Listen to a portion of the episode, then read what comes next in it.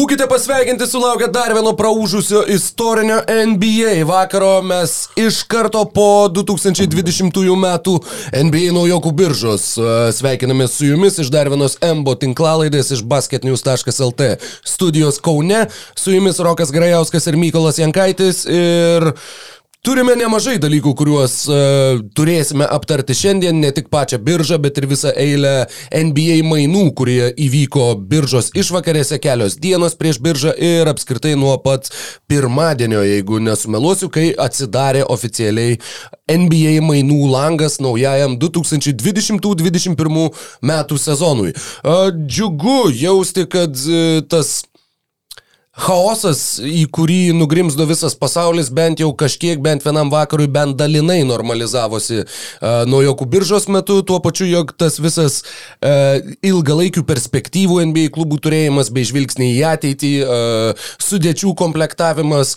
kažko tai naujo ir ateinančio laukimas vis viena suteikia kažkokio balanso ir kažkokį, kažkokį jeigu ne atspirties tašką, tai bent jau uh, impulsą iš išorės, į kurį galima atsižvelgti ir tokiu būdu, na, tikėti, kad pasaulis nesustojo ir kad, kad viskas vienai par kitaip tęsis toliau. Ir tęsiasi viskas toliau ir tom komandom, kurios uh, dalyvavo biržoje, taip žinoma, visos komandos, tačiau ne visos jų turėjo aukščiausios vertės šaukimus. Ir naujokų birža, kurioje daug naujovių, daug naujų dalykų, daug uh, unikalumo, išskirtinumo ir apie visus tuos dalykus ir norisi pasikalbėti šiandieną su jumis ir žinoma su tavimi Mykolai, sveikas gyvas. Apsimesiu, kad nevažiavom ką tik tai kartu iš Vilniaus su tavimi ir būtinai paklausiu, kaipgi laikaisi. Labas, Rokai, aš apsimesiu, kad nesakiau to jau kaip laikausi ir tikrai labai yra ap, su šikta nuotaika dėl vieno fakto, kurį pamačiau atsikėlęs stebėt naujokų biržos, tai kad Klėjus Thompsonas išėjo iš treniruotės negalėdamas e, padėti ant žemės savo dešinės kojos berots. E, Taip. Ir jau yra kaip ir paskelbta, kad e, trauma, kuri neaišku yra kokio stiprumo, yra Achilos rytyje, vis dar turiu šiek tiek vilčių, kad tai yra patempimas, pertempimas ar kažkas panašaus, tik tai duok dievė nenutraukimas. Ta trauma iškart labai pakeitė ir pačių Warrior situaciją, kurie galbūt būtų, mm, ką mes žinom, gal būtų mainę tą šaukimą, gal ne, dabar, dabar kaip ir jeigu Klei Thompsonas nusitraukė Hilos ausgislę, tai mm, esmės e, bandyti e, sukurti komandą, kuri laimėtų dabar tiesiog nebėra, reikia žiūrėti ateitį. Tačiau nepaisant to, Warriors visiems pasiemė e, žaidėją, kuris jam labai tinka pagal idėją, kad visa ta komanda, kuri dabar yra, jinai yra sveika. O kaip pats laikaisi? Laikausi, dėkui, neblogai. Pradėjau jausti jau, nežinau, senatvės požymius ir simptomus ir mhm. jausti, jog tas gyvenimo būdas ir ritmas prie gero visgi nepriveda ir jog gyvenant taip, jog miego ritmas yra visiškai breakbeatinis, o, o mytybos įpročiai yra kaip penktoko ekskursijoje gavusio pinigų smulkiom išlaidom.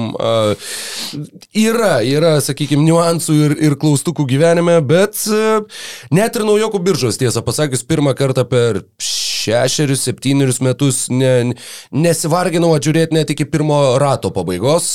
Po septinto šaukimo iškilmingai užverčiau savo, savo laptopiuką ir e, ėjau ilsėtis prie šios tinklalaidės filmavimo. Bet iki tos um, akimirkos, iki to septinto šaukimo um, Spėjau, spėjau pamatyti daug įvykių, spėjom uh, juos turbūt pamatyti, ar bent jau apie juos sužinoti dauguma iš mūsų, dauguma iš jūsų, kurie klausosi ar žiūri šią tinklalaidę. Vienas dalykas, uh, apie kurį irgi užsiminėm važiuodami kartu pakeliui, tai tas uh, kaip ir neturėjimas ir visų naujokų tiesiog filmavimas, kaip jie namuose laukia žinių apie savo pašaukimą į NBA lygą, pridavė savotiško žavesio, kadangi visiems pamatyti krepšininkų namus, pamatyti šeimas, pamatyti kaip jie laukia. Viena yra juos pamatyti sėdinčius prie stalikų, kaip, nežinau, tokiuose mama apdovanojimuose. Nu, kur jie suvienodėja visi labai, ta prasme, aš, tu ir taip apie tos krepšininkus nieko nežinai, tada jie dar labiau e, vienodi pasidaro, žodžiu, kai ten nu, visi su kostiumais, visi e, ten savo šeimas pasikvieta, kas ką, nu, žodžiu, mažiau išsiskiria vienas nuo kito. Jo. Taip, tad šitas, šitas turėjo savotiško žavesio aspektas, bent jau man, kaip suprantu, ir tau. Man labai patiko, man labai patiko ypač matyti krepšininkus, kurie akivaizdžiai yra iš, na, tie pinigai, kuriuos jie gaus, jie pakeis ne tik jų gyvenimą, bet ir jų šeimos gyvenimą. Ir ne tai, kad jie taps iš gerai gyvenusių, žiauriai turtingais, tačiau nu, tikrai sunkę vaikystę turėję ir, um, ir dabar, nu, pavyzdžiui, Onieko Kongų ten tiesiog sėdėjo matos mažas butukas, e, ten ant sofos susispaudė, sėdi ten šito Mountain Dew jau, e, jau galima e, pasirašyti dylų su remėjais, tai jau Mountain Dew šitų buteliukų padėta, tai irgi tikrai labai faina. Aleksej Pakuševski irgi toks iš karto, kai kamera persijungė, kai, kai jį pašaukė 17 metų šaukimu Oklahoma City Thunders prie stalo, šeima susėdus normaliai, filmuoja iš tolinė ant sofos, ten visi pasipuošę, žinai, nu tai kaip, nu, tai kaip turi būti. E, nu, tai, serbiškai. Serbiškai, nu, labai mums, gerai. mums artimai. Slivovice, žinai, taip, taip, taip. Aš įsivaizduoju, kad Jonas Valančiūnas gal irgi būtų panašiai atrodęs, jeigu būtų iš... Baltos mišrainės tikrai būtų prie ant stalo, tikrai privalėjo būti. jo, jo, jo, baltos mišrainės, va čia žiūrėk, esi. Šaltų.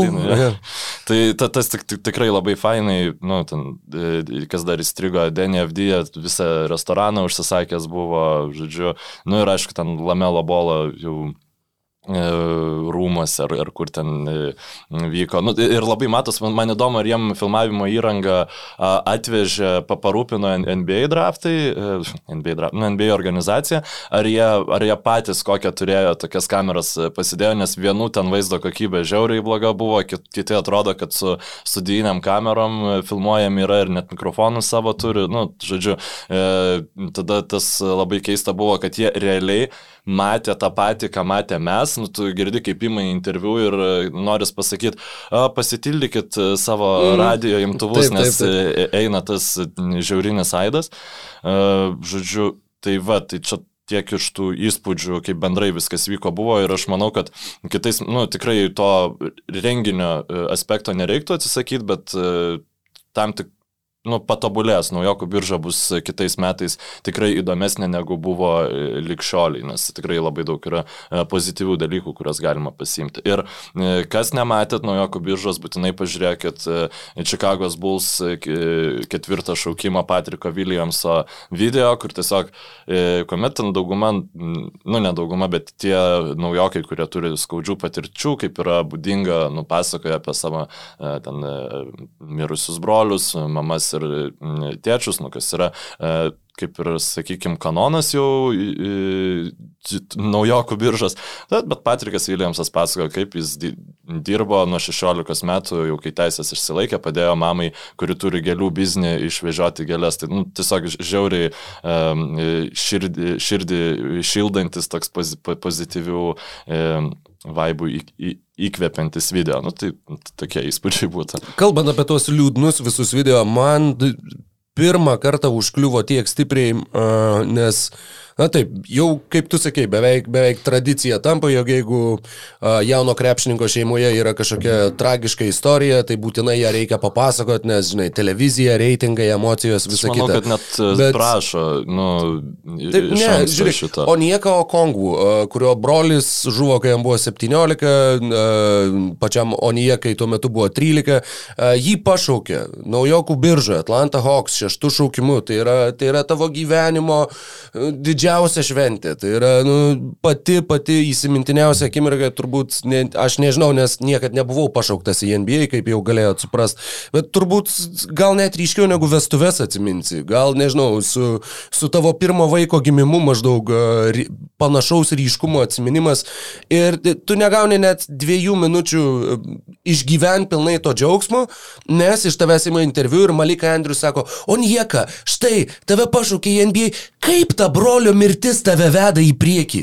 Ir kur yra toks, nu, Jėzau, Kristau, rimtai, nu, kur... Jau dar prieš tai vid visas video montažas yra parodomas. Tai. taip, tai. Nu, tai prasme, kad čia tikrai... Atro, atrodo, kad jiem, na, žinai, dar irgi Dabar palyginus, tikrai, kiek atsimenu, ne, netgi prieš penketą metų taip nebuvo, o jau kalbant apie tą 90s ir 80s, tai niekas net girdėję nieko panašaus nebuvo. Kiek, beveik kas antras iš tų aukštai pakviestų krepšininkų, na, tiesiog nesuvaldo emocijų, apsiašaroja, dar ypač jeigu ten sėdi su šeima, žinai, šalia mama, dar kažkas, visa tai yra visiškai suprantama, bet susidaro netgi įspūdis, kad tie patys ESPN netgi stengiasi tą, tą išprovokuoti, šaukti ir kažkaip, nežinau, žymisi taškus, kad jes, yes, šitą irgi pravirkdėm, jes. Yes, tas super. pats ir su e, NFL, e, amerikietiško futbolo draftais, yra, nu, tiesiog e, Twitter'e buvo labai daug palyginimų, kad, nu, gal jau šiek tiek per daug būtent iš to E, nu, klausimų formavimo, spaudimo ir taip toliau. Nu, bet čia yra formato reikalas, e, tikrai neprisiminsim mes tų krepšininkų jo, man, pagal man tą pirminį sakau, epizodą. Linksmiausia žmogaus akimirka, duokit jam bent dvi minutės nepriminę liūdniausios jo gyvenimo akimirkos. Būtų kažkaip gražu iš, iš producerių pusės mano manimu. Užsiminė apie NFL. Pirmasis naujokų biržos šaukimas yra žmogus, kuris pradėjo nuo amerikietiško futbolo ir krepšinį pradėjo žaisti tik tai labai vėlai. Ir netgi naujokų biržos išvakarėse buvo pasirodę citatų, jog jis krepšinio net nelabai žiūri, jam daug įdomiau NFL, jog susidarytų įspūdis, jog žaidėjas net nėra ypatingai kažkaip suinteresuotas krepšiniu ir, ir tobulėjimu ir tai tiesiog atrado kaip darbą, o ne kaip aistrą. Bet Anthony Edwardsas nukeliauja į Minnesotos Timberwolves ir Tai buvo naujokų biržos naktis, kurios reakcijas sekti ir vėliau skaityti Minnesotos Timberwolves ir galių forumuose buvo na, kažkas nuostabaus. Pirmas šaukimas - Anthony Edwardsas ir reakcijos šimtai komentarų ir visi, kad kaip blogai, Jėzau, kaip blogai, nu kodėl, nu kodėl, kodėl mes pasėmėm Anthony Wigginsą. Jie taip ir praminė krepšininką nuo pat pirmos nakties, dar jam net, net, net neužsidėjus kepuraitės su Timberwolves, jis jau buvo vadinamas Anthony Wigginsu, uh, matau, jog nori kažką. Aš norėčiau įsterpti gal tiesiog klausytojams klausytojams, kurie nu, nėra taip gerai, kaip mes susipažinę su naujoko biržos prospektais, tai prospektais, nu, mm, pašauktais krepšininkais, tai yra, nėra peržiūrėję 8 minučių video apie Anthony Edwardsą stipresias ir silpnasias pusės, bet iš esmės e, išskirtinė Edwardso savybė yra jo atletiškumas ir sprokstamoji jėga, tai yra eli, nu, visiškai elitiniai įgūdžiai, o kaip silpnoji vieta yra įvardinamas e, žaidimo pojūčio neturėjimas ir e, to motoro e, trūkumas. Tai yra iš krepšininkas kartais tiesiog atsijungia, jeigu jam neina. Atrodo nemotivuotas. Taip, taip, tai dėl to buvo prilipdyta Anthony Vigginso etiketė. Lygiai tas pats. Bet E, ką aš tau sakiau ir mašinai, ką turėjo pašaukti Minnesotos Timberwolves, kad fanai būtų užtikrinti. Pašauktų Lamelo bolą irgi sakytų, nu dieve, nu ką, nu ta prasme, mums neužteko dramos su Jimmy Butleriu, dabar mes Lamelo bolą įmam. Pašauktų Weizmaną, sakytų, nu taigi turim Karlą Anthony Townsą. Tiesiog e, fanų mm, bendruomenė labai pelnytai, absoliučiai ne, nu, nes nebepasitikė savo komandos sprendimais. Ir Anthony Edwardsui tiesiog e, tikrai reikės pakeisti šitą visą nuomonę, nu, stigmą jau susidariusią, kuri... Jo, ir tada toliau Taip, nuomonė fanų apie naujokų biržos naktį kardinaliai apvertė Gersonas Rosas vos po, po gero pusvalandžio, nepilnos valandos, kai sakau, skaitai visus komentarus iš eilės ir visur yra depresija, depresija ir kad pasaulis yra beviltiškas ir, ir staiga kažkur pasirodo vilties spinduliai ir galiausiai visas formas tokios šventės aš nežinau, e, nesu matęs Timberwolves stovykloje per visus šituos metus, nes visi iki vieno, tiesiog vos ne iki ašarų laimingi, vos negalėjo, bet jeigu tai būtų buvę gyvai e, vykusi, na, bent jau sirgalių biržoje stebėta kokiam nors, nežinau, didžiuliame Minneapolio bare ar panašiai, visi būtų glebėsčiavęsi, šokę ir dainavę dainą, sužinoję, kad Ricky Rubio grįžta, Rikis grįžta namo ir e, Minnesotos Timberwolves iš ties turi tą kultinį palaikymą Ricky Rubio, kuris dar prieš kelias dienas uh, pergyveno, jog, na, kas, kas tai per biznis uh, ir jog vos spėja apsiprasti komandai, būni išsiųstas į kitą komandą ir prieš atvykdamas į Oklahomą, kaip vėliau paaiškėjo, labai greitai pradėjo su agentu ieškoti savo kitos darbovietės, kuris jisai galėtų žaisti, kuris jisai galėtų siekti pergalių ir tuomet atsirado uh, toks variantas grįžti į Minnesotą, grįžti pas trenerį, kuris, uh, kuris puikiai pažįsta Ricky Rubio, kurį pažįsta Ricky Rubio, žaisti su tuo pačiu Karl Anthony Townsu, žaisti su Andrew Wigginsu 2.0, kaip rašė Timberwolves ir galiai. Uh, tad niekad nemačiau ir nesitikėjau tokio paradokso, jog tavo klubas atlieka pirmą šaukimą, pasiema na vis vieną, vienai par kitaip, vieną perspektyviausių pasaulio krepšininkų ir po to susigražina žaidėją, su kuriuo, nu, nieko įspūdingo nenuveikė, kur jokių ten ypatingų pergalių.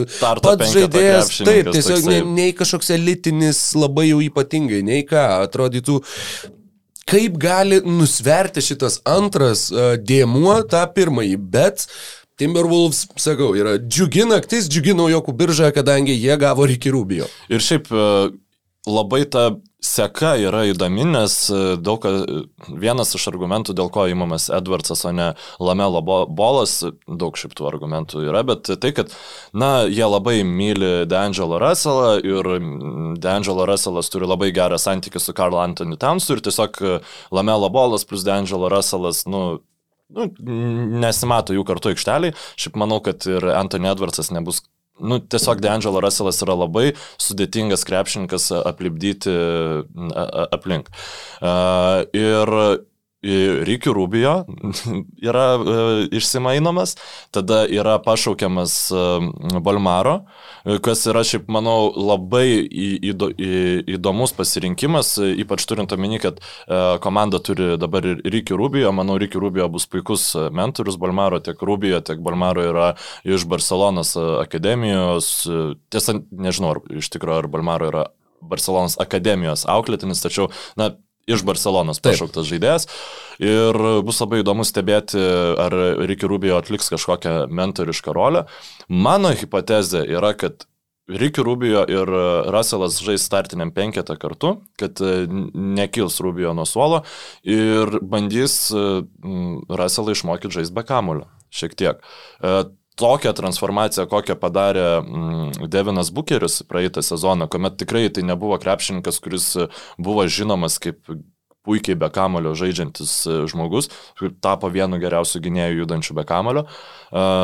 Kas čia žino, gal D'Angelo Russellas žmogus, kuris visiškai negali žaisti be kamulio, galėtų tapti, na, bent jau pusėtinai tinkančių adekvačių. Ta, jo, adekvačių krepšininkų šiuo aspektu ir tada tiesiog labai padėtų komandos lankstumui žiūrint, judant į priekį. E, vietoj, už ką gavo Ricky Rubio Minnesotos Timberwolves, už teisės į Aleksėjų e, Pokuševskį. 16-ąjį e, šaukimą šių metų biržoje, Oklahoma City Thunder, 17, 17 atsiprašau, Oklahoma City Thunder pradėjo e, lipdyti savo sukauptus šaukimus ir du šaukimus plus Ricky Rubio, kurio akivaizdžiai, na, tiesiog nereikia Oklahoma City Thunder komandai, iškeitė į šį krepšininką, kuris, na, man labai įdomu, ar jis bus siunčiamas į Europą. Man atrodo, kad tiesiog būtų geriau jam leisti jam taškytis e, po 15 minučių NBA lygyje, ten uh, būti visiškai uh, minusiniam krepšininkui, tai padėtų ir Oklahoma City Thunder būti blogiausia komanda lygoje, ko tikrai manau, kad jie sieks šį sezoną. Ir taip pat, na, stebėti šio žmogaus potencialą, kur mes apie jį kalbėjom šiek tiek praeitoj tinklalaidai, tai tiesiog yra 2 m 14 cm ūgio sunkusis arba lengvasis kraštas dar yra visiškai neiški jo rolė, tai e, nu, bus labai mane intrigavo, kas pašauks šį krepšininką. Labai buvo daug e, idėjų, kad e, tai bandys padaryti Dallas Mavericks, tačiau Oklahoma City Thunder išsimainė į, į viršų, būtent, kad nugriebtų šį krepšininką Mevsams iš panosios. Kas tau Na. išstrigo? E, baigiant dar apie Pakuševskį, tiesiog labai tikiuosi, kad nesulaužys jo tenai NBA lygoje, jeigu jisai atvažiuos, nes sudėjimas iš tiesų toks net, net vizualiai kiek kraupokas, netgi kai tokio ūgo žmogus, kiek sakyti, 2,14, jis sveria turbūt apie, nežinau, 70. 1,95 LBS. Tai... Na taip, maždaug per pusę ir truputėlį mažiau, nu, apie 90, nepilnus 90 kg turbūt. Tad su tokiu ūgiu galite įsivaizduoti, jeigu nesat matę, kaip jisai atrodo, jeigu norit sužinoti tiksliau negu vaizduoti. Google yra visagalis šituo klausimu ir uh, tikrai didelis įspūdis pamačius, pamačius tą krepšį. Jo, 8-8 kilai. Nu, taip. O, žiūrėk, kaip teisingai suskaičiavau. Uh, Lamelo Bolas, trečias šaukimas į Charlotte's Hornets, žmogus, kuris išvakarėse sakė, jog aš esu gimęs būti pirmų šaukimų NBA naujokų biržoje, uh, visgi atsidūrė Michaelo Jordano valdomame klube ir Lavaras Bolas turbūt turės progą įrodyti, kad įveiktų Michaelą Jordaną vienas prieš vieną. Uh, jis, kai pagalvojai, tokios ironijos turbūt nesitikėjom niekas, kad po to pareiškimo galiausiai praėjus keliam metam vienas iš Lavaro, viena iš iš Lavaro atžalų atsidurs būtent Jordano valdomame klube. Mat, girdint, Lamelo bolas buvo hypinamas e, žaidėjas jau tuo metu ir matant Hornets trajektoriją, to tikrai buvo galima tikėtis, kad e, tai gali surasti e, vienas kitą šie, šis klubas ir šis krepšininkas. Atmetus, Gera vieta Lamelo bolui. Mm, Jeigu negalvosim apie Lavarą bolą, nu, ta prasme, tiesiog nu, negalvosim apie tai. Jeigu negalvosim apie tai, kad Lamelo bolas gali, nežinau, padaryti tai, ką darė Prienuose ir tiesiog atsisakyti žaisti e, komandai, kurioje jam nepatinka, tiesiog šit, anuliavus visas šitas spekulacijas, aš manau, kad tai yra labai gera e, vieta e, Lamelo bolui. Aš manau, kad Hornas bus žiauriai blogi su jo aikštėje, kaip ir su daugeliu naujokų žaidėjų, kaip tai yra visiškai normalu. Ir ką turi toje pozicijoje Terry Rozieri, aš manau, jau Hornets e, tikrai susitaikė, čia nėra žmogus, e, kuris turi stabdyti kažko, kažkieno kito potencialą. Šalia jo yra Devonte Gramas, kuris yra puikus metikas ir ta komanda tikrai um, bus, aš, aš įsijungsiu pažiūrėti. Ir taip mm -hmm. pat, taip pat Lamelo Bolas yra gan geras 2 prieš 2 žaidėjas ir su Cody Zelleriu, kuris, kad ir koks, kaip Kad ir kaip jis atrodytų kaip tėtis, kuris po rungtynių važiuos pasiimti savo e, keturių vaikų iš futbolo treniruotės, žodžiu, e, yra labai solidus 2 prieš 2 stiliaus e, centras, tai bus įdomu ir, ir manau, kad e, tarkim Timberwolves'ose Lamelo bolai būtų blogiau negu, negu Hornetsuose. Na, ten bent jau uh, jis tikrai gaus, na, ar bent jau turėtų gauti tą labai ilgą pavadį, uh, tai yra labai daug, labai daug laisvės klaidoms ir, ir tobulėjimui per praktiką, tobulėjimui per sužinojimą, ką galima ir ko negalima daryti. Tikrai nemanau, kad Lamelo arba Lavaras sakė, kad e, galėsiu žaisti su Kodizeleriu. Čia tie žodžiai, kurių turbūt nėra ištaręs ne vienas krepšininkas. Nu, taip, jeigu, niekada, jeigu žaistų su Kari ir ten Klei Thompsonu, nu, sakykime, kad jis žais kitą sezoną, vis dar tikiuosi to, tai žymiai daugiau matytumėm silpnų lamelo bolo vietų negu stipriųjų.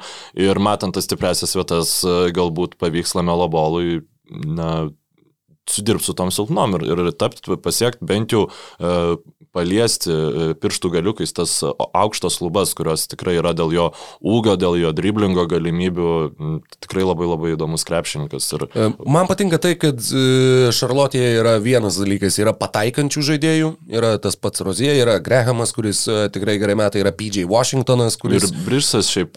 Bridgesas nemetimu ne garsėje, bet būtent Bridgeso atžvilgiu, tai aš labai laukiu greitų atakų, perdavimų per visą aikštę ir apskritai Taip. kabinamų kamolių kamolių, kadangi Bridgesas yra vienas iš įspūdingiausiai e, kamolį iš viršaus kraunančių krepšininkų pasaulyje. Ir su Lamelo bolu, na būtent tam... Mm, League Pass favoritų statusui, vat, tos atsitiktinės komandos, kurios nepalaikai, bet įsijungi pažiūrėti, nes, nes ten būna kas nors, kas nors smagaus. Ka, kasmet būna bent po vieną ar kelias tokias komandas. Aš norėčiau biškai įsiterpti dėl, šito termino, jis Lietuvoje nėra labai aktualus, nes e, Lietuvoje mes e, esam pakankamai laimingi ir galim šiaip už žiauriai pigią kainą nusipirkti League Passą ir matyti e, visas komandas, mes neturim apribojimų.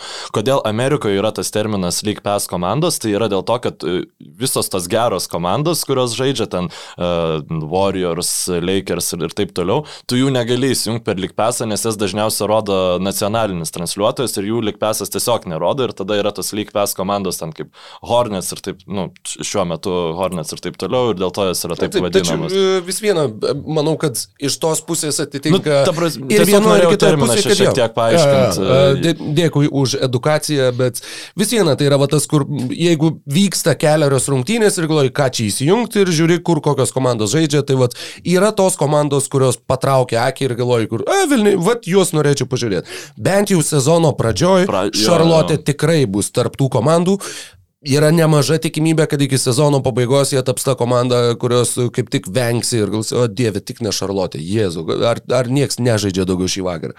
Uh, bet sėkmės Lamelo, štai Prienuose žaidusio ir e, tokiu, tokiu aukštų šūkimų krepšininkų pakviesto žaidėjo dar nebuvo ir manau, kad nebus. Lietuvoje, kada žaidęs krepšininkas, ne aukščiausias krepšininkas, bet aukščiausiai pašauktas Lietuvoje žaidęs krepšininkas. Tai e, tas yra visai įdomu.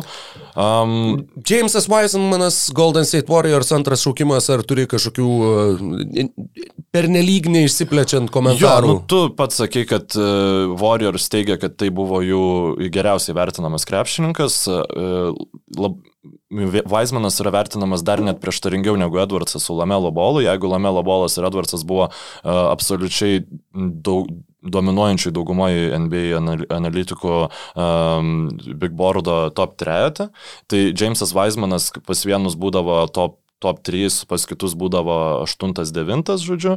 E, tai, tai yra visiškai um, šių, šių metų naujoko, naujoko biržos tendencija atitinkantis šaukimas, nes komanda e, pasirinko krepšininką, kuris tobulai tinka dabar, jis dabar galėtų įeiti starto penketą ir žaisti, jis turi nuostabų vertikalų aikštas praplėtimą, tavo mėgstamą savoką, jis e, turi žiauriai gerą gynybinį potencialą, jo išskestų rankų ilgis yra, um, to jau pasakysiu, žodžiu, e, apie 2 metrus 30, žodžiu, kažkas tokio. Tai, tai tikrai uh, atletišk, atlet, tiškumo žvėris.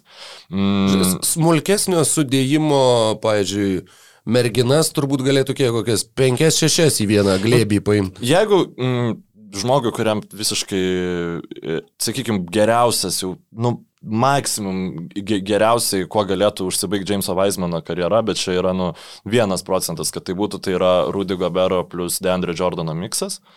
Nu, tai... E, mačiau, jog vienas iš skautų sulygino, na, čia, čia toks e, modernus palyginimas ir daug, e, daug mažiau, mažiau pompastiškas, bet kad tai velnės. Vienas buvo Davidas Robinsonas, o kas buvo kitas?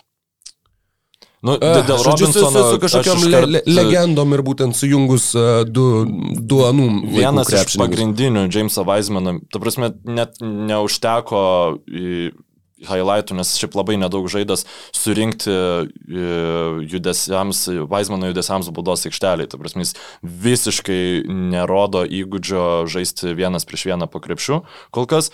Tačiau, nu, tokiai komandai kaip Warriors arba šiaip, šiaip gerai komandai, e, nu, nereikia, kad centras žaistų tokio stiliaus krepšinį. Ir, na, Yra žmonių sakančių, kad Vaismanas iš visų top šaukimų turi mažiausias grindis. Tai reiškia, kad jis tikrai bus geras žaidėjas. Žodžiu, kad... Tai tokiu atveju aukščiausias grindis. E, taip, atsiprašau, o aukščiausias, taip, aukščiausias grindis, žodžiu, tu, tu, turintis. Tai... E, o Davidas Robinsonas ir Krisas Bošas, štai kokius du krepšininkus jo. jungia. A, pa, metimas labai panašus į Kriso Bošą, na tačiau vėl tas polimo arsenalas yra visiškai kitoks, tačiau tikimasi, kad Jamesas Weismanas galės praplėsti aikštelę, tai žodžiu. Ir plus e... atletiškas, aukštas, na, Golden State Warriors, duok dievę Klei Thompsonui sveikatos, pasėmė tokią paturbinta Džiaveilo Magy versija. Dar su tritaškiais ir su tuo pačiu dar didesniu atletiškumu, bėgimu, greičiu, šuoliu ir, ir tą funkciją jisai tikrai gali potencialiai išpildyti labai labai aukštų lygių. Nenoriu čia baisiai pesimistiškai skambėti, tačiau vienas dalykas, dėl ko man atrodo, kad Weizmanas ne, nu, nežaistų tiek daug Warriors, jeigu Warriors būtų geri, e, tai dėl to, kad na, labai nedaug tik į lygą atėjusių centrų turi E, Warriors palimo schemai reikalingus įgūdžius užtvarų statymę, nes labai daug Warriors palimo yra per tai, kad e, centras pastatys gerą užtvarą, tai dėl ko yra Grinas mylimas, dėl ko Bogutas ten turėjo nerealius metus, nes tai yra top top elitiniai užtvarų statytojai NBA lygoje, tai Weizmanui, nu, tiesiog yra naivu tikėtis, kad tik atėjęs krepšininkas NBA lyga jau bus e, puikus šitam įgūdį, nes čia grinai yra krepšinio pažinimas ir panašiai. Tai um, visokiojopos sėkmės linkiu. E, tikrai ne, nebuvo krepšininkų, kuris yra aiškiai geresnis už Jamesą Weizmaną mano akimis. E, tik tai faktas, kad cent, rast e, gerą centrą yra e, pigiausia NBA lygoje, tai vad gal tik tai dėl to. Du kraštutiniai tokie variantai, kurių tikrai nesitikėjom ir kurių nesitikėjo niekas. Dvi, sakykime, temos, kurios atsikartojo šitoje biržoje, yra tai, jog visos beveik komandos rinkosi ne pagal tą, na bent jau iš pirmo žvilgsnio, ne pagal tą geriausio įmanomo žaidėjo arba BPA, Best Player Available filosofiją, bet būtent rinkosi tai, kas tinka dabartiniai komandai ir rinkosi pagal pozicijas ir tuo pačiu visi kalbėjo apie tai, kiek čia bus daug mainų, kaip bus viskas išmainyta ir kaip čia koks čia chaosas mūsų laukia.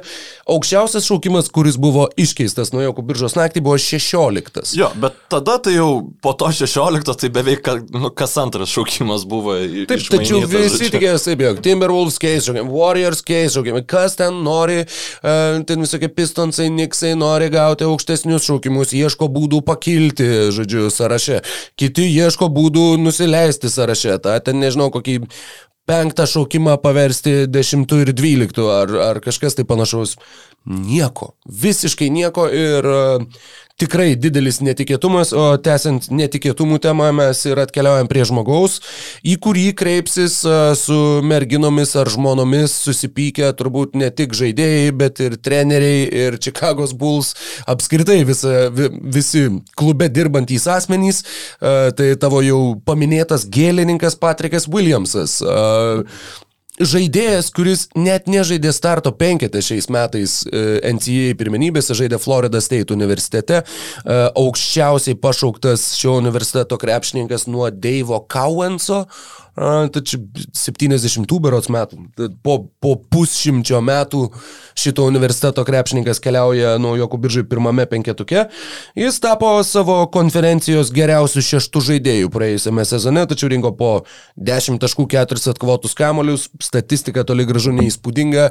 Nežinau, kiek pats domėjasi Patriku Williamsu, bet kas taip suintrigavo Artūrą Karnišovą ir Marką Eversley ir visą Čikagos Bulls klubą ir kodėl šitas krepšininkas, kuris kuris beje kilo va, taip pastarosiomis savaitėmis uh, savo reitingais biržos kontekste. Ir kas, kas atnešė šitą krepšininką į Čikagos Bulls? Kokie vėjai jį atputė į vėjuotą į miestą? Tie vėjai, kurie iš, ištėse jo rankas ir e, tai tiesiog Kaip aš, pavyzdžiui, pastebėjau Patriką Williamsą, kad, nu, vad, gal čia reikia jo video pažiūrėti. Labai tasmukai atsidariau NBA, NBA draft, mock draftą ir žiūrėjau, ten yra iš karto ūgis, pozicija ir ištestų rankų ilgis ir žiūriu, na, kurie čia polėjai, forwards, turi uh, ištestų rankų ilgį, kuris yra bent septynios pėdos ir Patrikas Williamsas buvo uh, vienintelis iš tų aukštai esančių šaukimų, kuris, kurio iš iš tiesų rankų ilgis yra 2,13 m, kai jo paties ūgis yra ten šiek tiek virš, virš 2 m. Žodžiu, tai krepšininkas, kuris gali gintis per kelias pozicijas, e, e, jeigu viskas klostysis gerai, galbūt ir finišo penketą gali užimti vidurio palėjo poziciją prieš tam, prieš tam tikrus penketus, žodžiu.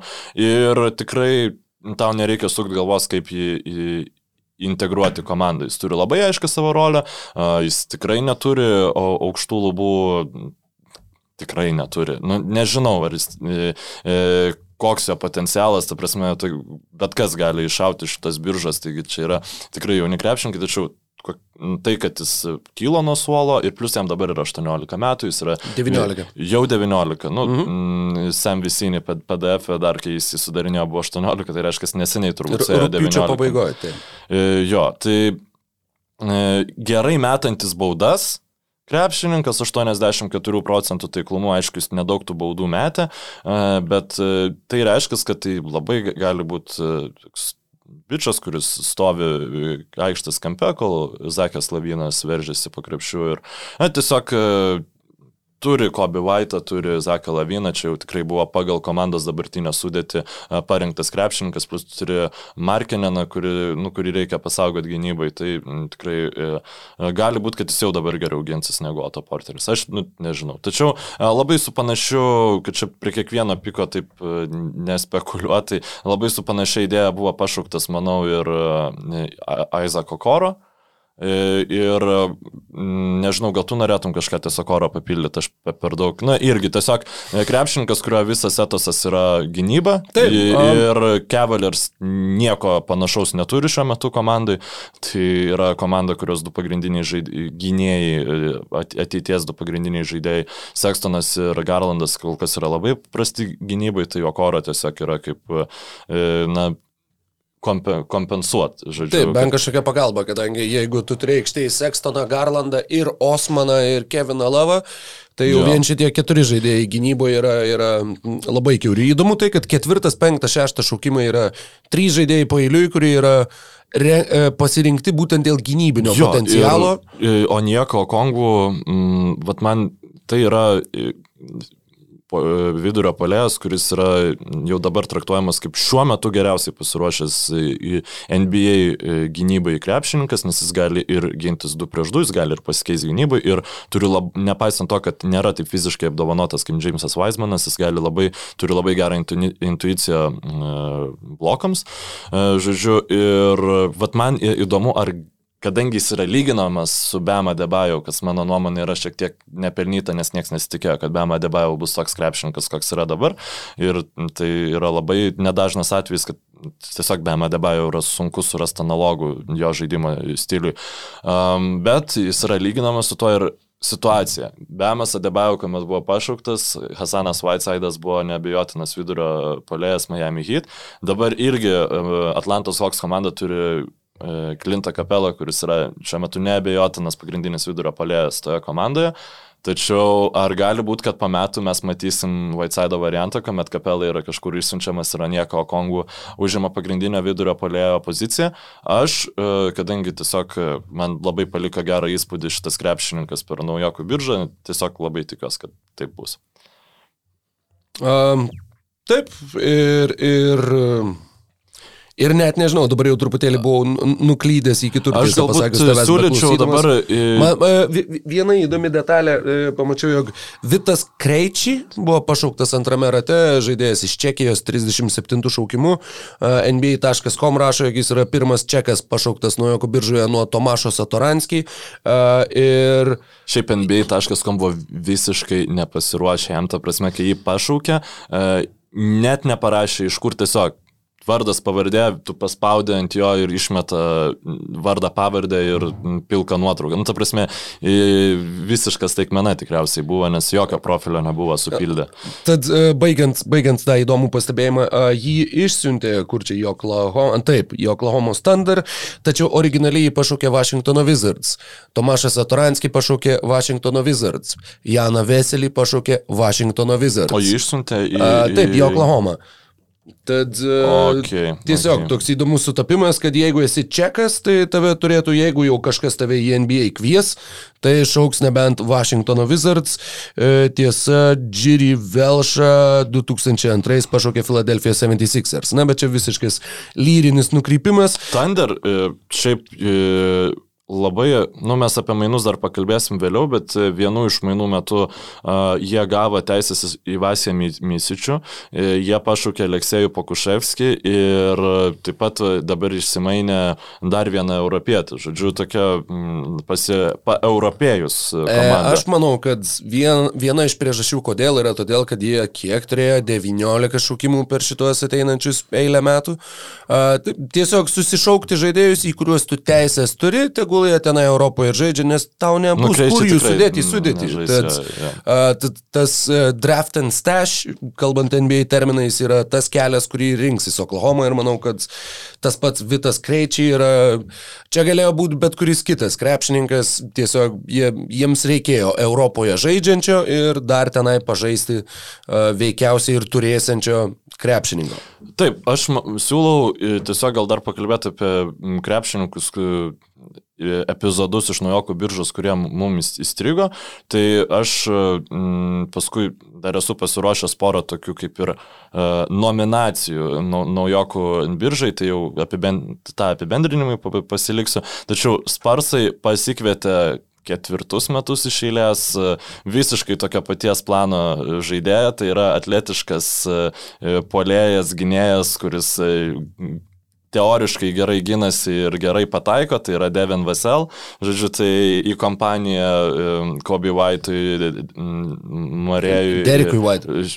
Jo, atsiprašau, e, seniai, seniai mačiau sparsus. E, Vaitui ir šitam Lonnie Walkeriui jaunesnėjam. E, tada Kingsai, Kingsą, manau, labai pasisekė, tai Rysas Haliburtonas, kuris buvo šiaip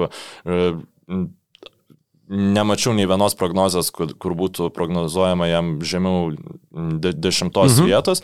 Jis Tikrai, nukrito iki dvyliktos ir turėtų, na, manau, kad nepaisant to, kad yra įžaidėjęs visai įdomi, įdomų tandemą sudaryti su e, Foxu. E, ir Sansai antrus metus šeilės pakviečia krepšininką, e, kuris kuriam buvo prognozuojama šaukimas pirmo raundo pabaigoje jie pasišaukė dešimtuoju numeriu. E, tai yra Jailenas Smithas, kuris iš vis yra atsarginis centras ir tai yra mano nuomonė dabar vienas praščiausių pasirinkimų, nes nu, dešimtų šaukimų pašaukti uh, at, atsarginį į komandai pozicijos, kurios, uh, kur yra mažiausiai vertinga lygo ir kurio adekvačių krepšininkų visada tu gali surasti už absoliutų minimumą, vien dėl to, kad jis yra aukštas ir šiek tiek geriau pataiko negu ki kiti naujokų biržos centrai. Na, e, labai keistas sprendimas, turint omeny, kad na, tikrai buvo tokių intriguojančių krepšininkų likę ir atskiro paminėjimo nusipelno Detroito Pistons, kurie akivaizdžiai e, jautėsi taip, kad jie geriausiai yra pasiruošę naujokų biržai. Tai prasme, žino, kas bus geri krepšininkai ir žino, kad 19 šaukimų jie gali pakviesti geresnį krepšininką negu jų dabar vertingiausias komandos krepšininkas Lukas Kenardas. Nu, mano nuomonė, jis turėjo daugiausia manų vertės, jie išsiuntė į Clippers, Clippers išsiuntė e, šią metą į Nets, apie tai pakalbėsim šiek tiek vėliau. Ir 19 šaukimų, kurį gavo iš Nesu, jie pasišaukė Sadiką Bėjų, 7 šaukimų pasis, pasišaukė Europos krepšinio gerbėjams gerai žinoma Kilianą Heisą. Ir tada taip pat buvo pašauktas, e, padėk man rokai, jau neberandu, e, ką vėliau jie pasišaukė. A, jie aukščiau dar, man atrodo, pasišaukė. Jo, o dar aukščiau centrą Aizėją Stewartą pasišaukė Taip. ir paskui 38 šaukimų, kurį irgi išsimainė, e, pasišaukė Seibenalį, apie kurį šiaip, na, nieko negaliu papasakoti ir nepasakosiu, bet esmė tame, kad bent jau tie pirm... Seibenas Ly yra įžaidęs. Pirmi trys krepšininkai, kuriuos pašaukė, visų jų rezumė yra parašyta, kad tai yra top, top e, lygio charakteris. Ir akivaizdu, kad e, tai labai vertina Detroito Pistons e, naujasis džiemas. Trojus Weaveris. Taip. Ir tikėk, šiaip Man kaip visiems Detroito Pistons visada yra, mm, š, turi soft spot, šiltą, minkštą vietą širdyje, žodžiu, ir aš visada noriu, kad jiems sektųsi. Man labai patinka, kad įmamas yra ryštingų veiksmų, ar jie pasiteisins, aš nežinau, tačiau e, tikrai, manau, visi šie krepšininkai e, ras vietą komandai bent jau pirmo sezono metu jiems bus suteikiamas šansas. Aišku, tiek daug jaunų krepšininkų šiek tiek e, apniaukia Sirvidžio perspektyvas, bet e, ką, ką mes galim žinot, galbūt ir jis suras savo vietą, jeigu gal galygai įrodys kažką. Sadikas Bėjus, vis kai pamatau tą vardą, turiu paguglinti, į kokį vardą savo vardą pasikeitė Mausdefas, nes man vis pasirodo, kad, kad... Bet tai Jesinas Bėjus ir čia labai mažai žmonių turbūt suprato. Aš nesupratau. Jo, aš žinau, Mykolai, aš žinau. uh, tad jau paminėjai mainus ir, ir tai, ką atliko Detroitas, mainų apskritai buvo Labai daug, per, per, na, tiesą pasakius, ne tiek ir daug, maniau, kad daugiau. Kai išsirašiau visus besiruoždamas šitai tinklalaidai, supratau, kad, e, palauk, ne, ne, atmetus naujokų biržą, Nors čia net neatmetus naujokų biržos, čia yra ir naujokų biržos metu atlikti vieni bet aštuonetas faktiškai. Buvo žymiai didesnio masto, negu mes galėjom nu, negu aš būčiau tikėjęsis, kad taip greitai įvyks tokio Plius, lygio mainai. dar negana to yra ir mainų, kurie neįvyko, tačiau apie kurių potencialą mes tikrai turėsime šiandien pašnekėti. Bet pradėkime nuo to, nuo ko viskas ir prasidėjo. Pirmadienį Jo, atsidarė. Jeigu dar leistų man uždaryti tas nominacijas naujokų biržas, tiesiog.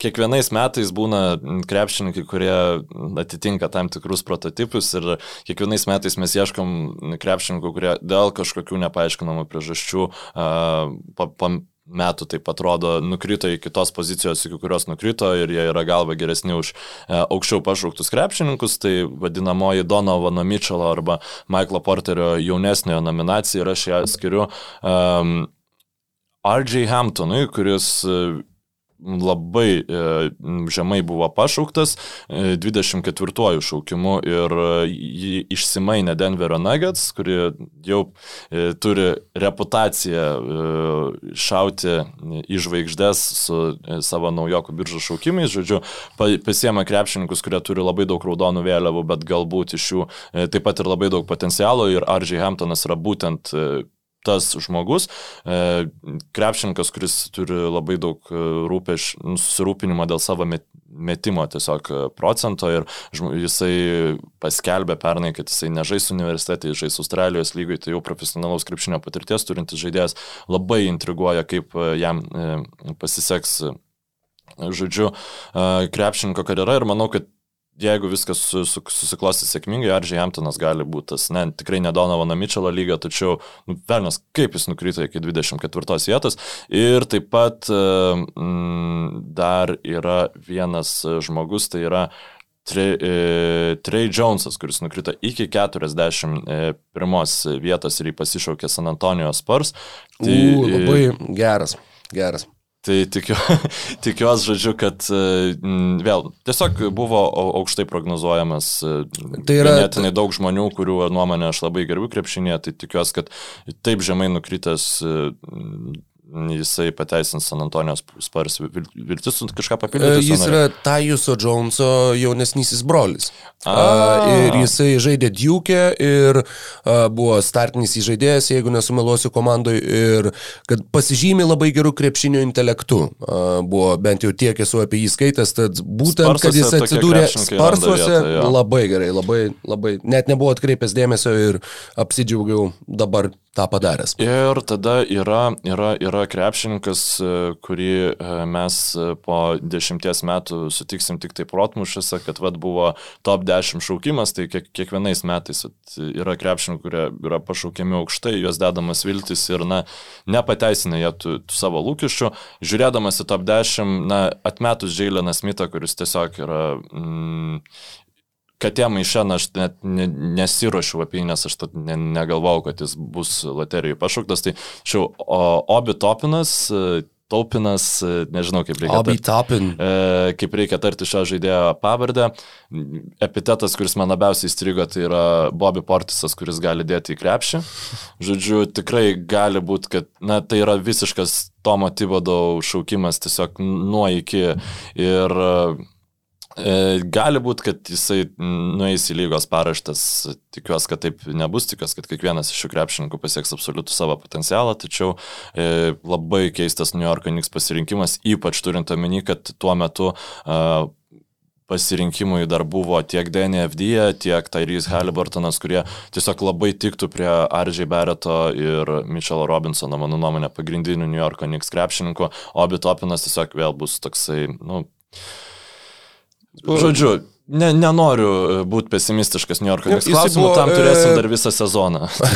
Jis buvo išrinktas geriausiu šių metų NCAA krepšininku, uh, National College Player of the Year, tačiau Obi Topinui jau yra 22 metai, kova su jais 23, tad jau vien dėl to atrodytų, jog tas potencialas yra mažesnis ir labai daug kas skeptiškai žiūri į jo fiksuotus skaičius, statistiką, kadangi kai tu esi ženkliai vyresnis NCAA, tai tie skaičiai automatiškai išsipučia ir daug kas sako, jog greičiausiai tai bus pervertintas krepšininkas, kurį kurį pasirinko New Yorko Jo, Knicks. plus tai, kad paš... jeigu jį būtų spars pašaukę ten 14 kokiu nors šaukimu, visai, visai va, 11 šaukimu, tada jau gal netgi galvo, hm, gal čia aš esu neteisus, bet kai pašaukė New Yorko Knicks, tai, nu, žodžiu. Tiek. Ir e, tuomet pabaigai aš irgi dar noriu Okay. okay. įteikti Eurovizijos nugalėtojų nominaciją, kadangi visada būna labai įdomu, kurigi šalis e, geriausiai atrodys vienoje ar kitoje naujokų biržoje. Šiais metais neturėjom nei Latvių, nei Lietuvių, nei Estų, kaip nekeista. Tačiau Tai yra pirmas kartas, mano manimu, dabar e, ne, nepatikrinau taip ant smūgio, bet e, atsižvelgiant į tai, jog Kilianas Heisas buvo galiausiai pakviestas septintų šaukimų, e, nors buvo, buvo net kas, kas sakė, jog tai yra talentingiausias krepšininkas ir jisai galbūt yra vertas net pirmo šaukimo vietos. Mhm. Ir atsižvelgiant į tai, jog Teo Maledonas, kuris e, prieš šį sezoną buvo vertinamas daug geriau už Kilianą Heisą ir buvo taip pat jam piešiama labai ryškiai ateitis, nukrito iki pat antro rato, iki 34 šaukimo. Čia irgi į tenderius paskui iškeistas. Tai, irgi Tai dar vienas draft and stash turbūt. Uh, yra šalis, kuri turėjo du savo atstovus naujokų biržoje. Aš manau, kad pirmą kartą tos šalies istorijoje. Tai devintuoju šaukimu Danny Avdija į Washingtono Wizards, 47 šaukimu Jamas Madaras buvo pašauktas Bostono Celtics, tad du Izraelio krepšininkai nuo jokų biržai, manau, kad yra labai didelis pasiekimas a, šios šalies krepšiniui ir sveikinimai 12 points go to Israel and uh, thank you, it was a very beautiful show, the hosts are uh, dressed very nicely and uh, here uh, were my votes and results. Kiek šansų, kad Jamas Madaras žais NBA? Labai nedaug, bet nu bent jis pašauktas buvo, nu netimgi džiaugsmo, šoka žmonės iš laimės galbūt dabar Taigi, Izraelėje. Mainai, mainai, mainai ir tikrai drebinė mano rytą.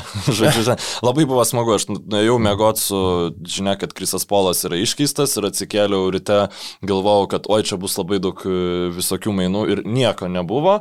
Ir tada staiga pradėjo eiti Covingtonas, Holiday ir visi kiti dalykai. Tai kokie tavo įspūdžiai, apie kuriuos minus norėtum pakalbėti pirmiausia? Ir... Uh, norėčiau pakalbėti chronologiškai. Uh, man beje buvo irgi pakankamai panašiai su, su Covingtonu ir Man buvo kitaip, aš sėdėjau per visą naktį, nes galvojau, kad u, šią naktį gali labai daug visko būti.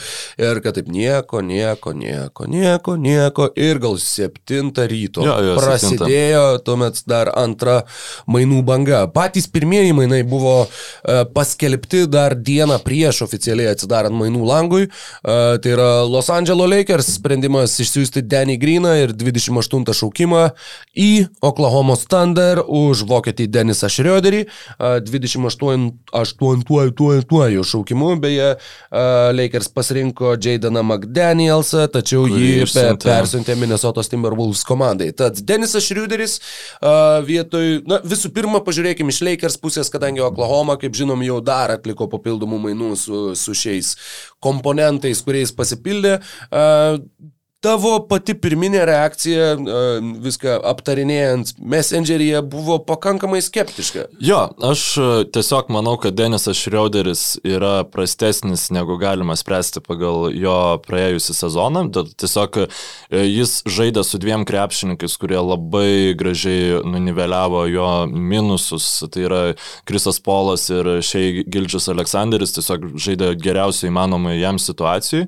Ir Danny Grinas manau, kad yra nėra toks blogas, kaip apie jį buvo manoma po at- atkrintamųjų varžybų. Tiesiog žaidėjas, kuris buvo karštas, iškeistas į žaidėją, kuris buvo, na, jau ti- tikrai ne formoje, tačiau aišku reikia paminėti, kad Denny Grinas neina jaunin ir ne aš esu žmogus, kuris turėtų teis Denisą Šriuderį, tačiau turi, turint omeny, kokia reakcija buvo, kad Los Angeles Lakers apvogė Oklahoma City Thunder, kaip Oklahoma City Thunder nesugebėjo gauti nieko už Denisą Šriuderį. E, Nu, reikia prisiminti, kad Denisas Šriuderis, e, jis buvo Atlantos Hawks atiduotas į Oklahoma už e, Carmelo Anthony ir... Kaip, kaip salary dump. Taip, kaip salary dumpas, tai net, net jo jokios šaukimo kompensacijos nebuvo, tai yra krepšininkas su ganėtinai irgi ilga istorija NBA lygoje ir klausimas, ar tas jo e, sugebėjimas, e, na, tai yra tik pakankamai gerai kamalį valdantis žaidėjas, galintis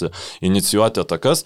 E, turint omeny, kad Rondo tikriausiai nematysim kitą sezoną Los Angeles Lakers komandai, tai galbūt buvo ir klausimas, kiek faktas, kad Šrioderis atėjo į Los Angeles Lakers lemia tai, kad Rondo nežais, ar, žodžiu, kas buvo aišku pirmiau, Taip, Los Angeles Lakers komandai, tai šiaip tas rondo, kurį mes matėme atkrintamosiose, tai negaliu patikėti, tai sakau, bet tai tikrai uh, naudingesnis, manau, būtų Lakersams negu... Tai trečias šrioderis. geriausias Lakerių krepšininkas. Tačiau tikėtis, kad rondo palaikys šitą tempą, tai yra sunku, plus uh, Lakersam reikės žaidėjų be Lebrono Jameso ir Anthony Daviso, kurie galės tempt komandą reguliariajame sezone, nes Jamesui ir Davisui tikrai bus duodama poilsio, tai gal dar su tą mintim Šriuderis yra pakviestas.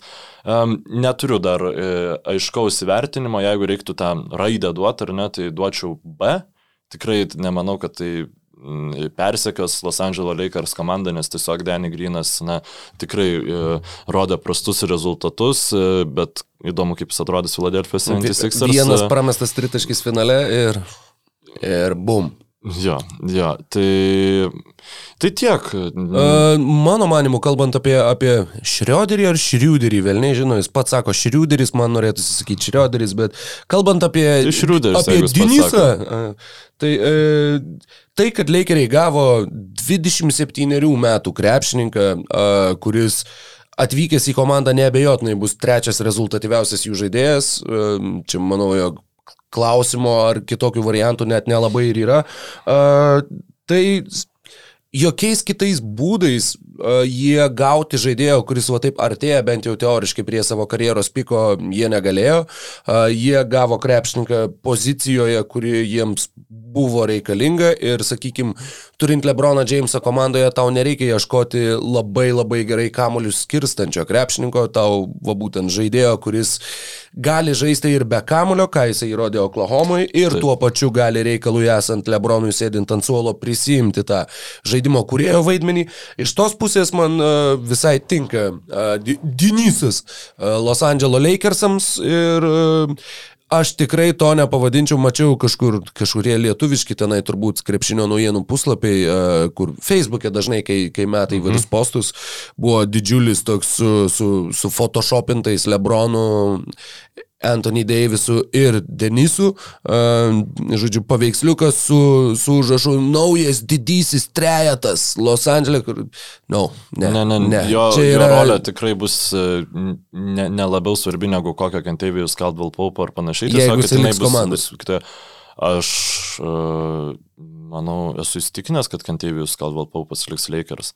Jeigu Na, jie, teoriškai jisai dar gali to nepadaryti. Jeigu jie jo neišlaikys, tai Ta prasme, jie ne, neturi ir Danny Grino, ir Kentavijus Caldwell Paupo, tai pas jūs kas liks Bradley ir Karuso, kurie dar gali... Taip... Bradley irgi turi žaidėjo opciją. Jo, nu, ta, tai čia būtų, būtų labai, labai rizikinga iš Lakers pusės, nes Kentavijus Caldwell Paupas e, e, konkuravo su Ražonu Rondo dėl trečio geriausio e, Lakers žaidėjo titulo finalo serijoje, žodžiu, tai Mm. Ražonas Rondo.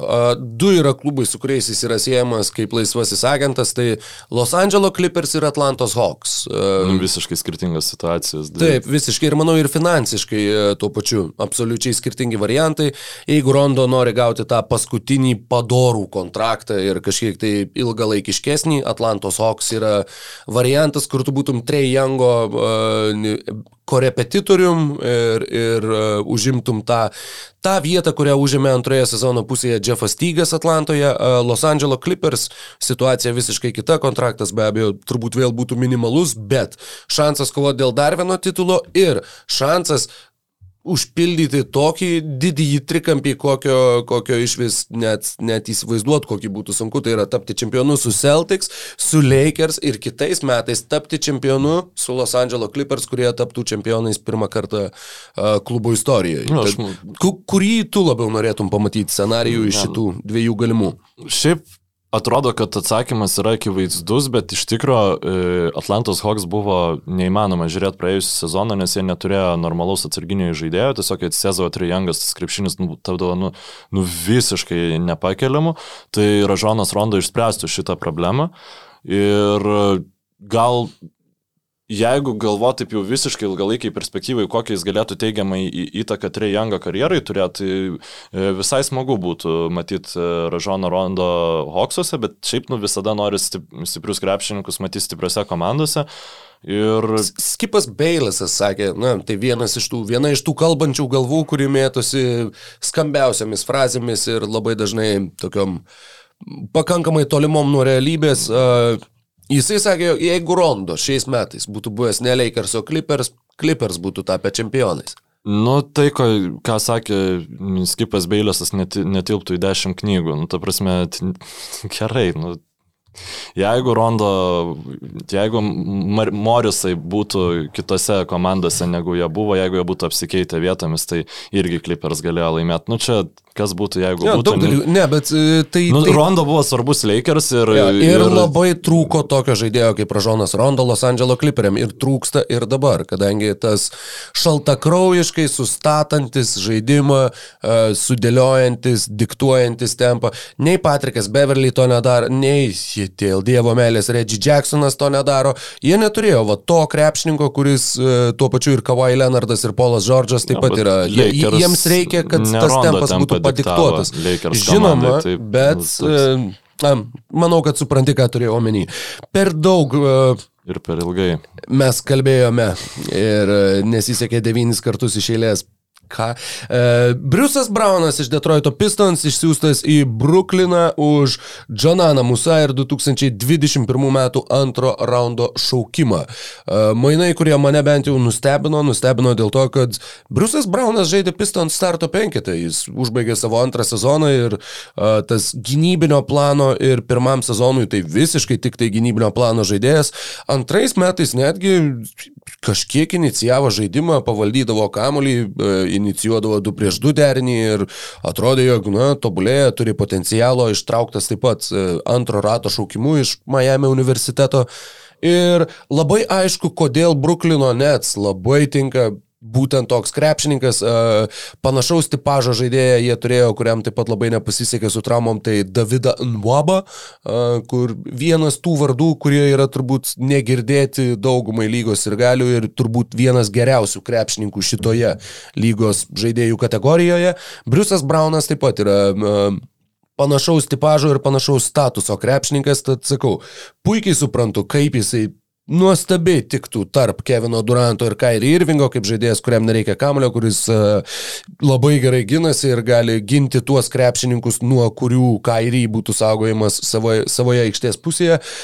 Kodėl Detroito Pistons atidavė jauną atakuojantį gynėją starto penketo žaidėją už Džananą Musa, kuris neparodė nieko ir kitų metų antro rato šaukimą, kaip manai? Mano idėja yra tokia, kad e, pirma tai yra naujas uh, E, žodžiu, šių, e, šios nakties birža e, labai paaiškina ir šiuos mainus, nes tiesiog įmama bet kokia galimybė, kad mes turėsim ta prasme, įmami krepšininkai su aukščiausiam lubom, aš, nu, tiesiog Musa visiems turi daugiau to pseudo žvaigždės potencialo, nu, kažkaip kažko jis tos savyje visiems turi. Nu, jis žaidžia labai blogai kol kas, bet e, Briusas Braunas vargiai turbūt bus kažkas geriau, e, nu, vargiai išpildys kažkokią kitą rolę, negu jis jau dabar pildo Detroito Pistons komandai.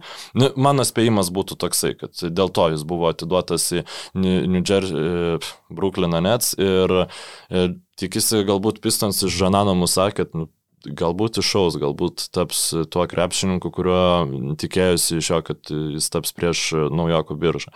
Taip, ir Bri Briusas Braunas, sakykim, atsiprašau, na, vienu sakiniu, Briusas Braunas, jo potencialo lubos yra čempioniškos komandos penktas starto penketo žaidėjas. Aš manau, žaidėjas. kad net, net ne penktas žaidėjas, aš manau, kad dėl savo ūgio jisai turėtų, nebent, nu, nebent jau ten labai tie žaidėjas tos komandos būtų aukštas, ta prasme, kad aš manau, kad jis tai tiesiog atsarginis krepšininkas, kuris ir jis Brukliniam tikriausiai taip žais, kad atsarginis krepšininkas, kuris turi aukštą motorą, kuris palaiko spaudimą, yra geras gynyboje, vargina priešininkų žvaigždę, dėl Vedovą toksai mažesnis ir greitesnis. Man, man Džananas tokia... Musa savo ruoštų sunku pasakyti, kur yra ta potencialo riba, tačiau tai yra krepšininkas, kuris, jeigu jisai ją pasieks, tai jisai bus viena svarbiausių puolimo figūrų toje komandoje, kurioje žais. Ir Detroito Pistons, akivaizdžiai taip, dabar sprogdina pamažu tą savo sudėtį, labai išlėto, kadangi kažkam iškišti Blake'ą Griffiną, pavyzdžiui, lengva nebus. Griffinas ten ir, manau, kad ir išžaista savo kontraktą arba išsėdės ant suolo. Nu, tu prasme, Tiesiog, jiem, jie mokėjai mokėti Griffinui, tiesiog. Taip, jie dar norės išsaugoti e, Krišianą Vudą ir tuo pačiu išsiųstas Briusas Braunas ir kadangi jau esam prie Detroito, tai Luko Kenardo mainai, apie kuriuos jau užsiminėjai. Visiškai netikėti, man čia yra netikėčiausi mainai iš iš, iš visų, kurie įvyko, tiesiog Lukas Kenardas, net kaip ir tau sakiau pradžiai, yra vertingiausias Detroito Pistons krepšininkas. Buvo. Buvo, jo, mano nuomonė pagal žmogus vertę. Pašauktas uh, e, 12 šaukimu, kai 13 buvo pašauktas Donovanas Mitčelas. Jo, galbūt. Čia irgi atsiminimas. Ta... Galbūt tiesiog Troy Weaveris norėjo, ai, nu, gana, gana nebenoriu aš galvoti apie tai, kad šitoje komandai Mitčelas galėjo būti ir išmainė. Kokie šiaip tavo įspūdžiai yra ties tais? Nesitikėjau. Daug buvo kalbėta apie, apie galimus Luko Kenardo mainus planus, bet e, manau, kad tikrai ir Pistons ir galiai nesitikėjo, kad tai bus tiesiog už 19 šaukimą biržoj ir, e, ir apskritai, jog būtent šiuo metu jisai bus iškeistas, bet panašu, kad taip, kad Trojus Vyveris tiesiog e, bando ištraukti laimingą loterijos bilietą, pasimti kuo daugiau talentingų žaidėjų, iš kurių kažkas gali išaukti ir tuomet suteikti jiem galimybės save auginti. E,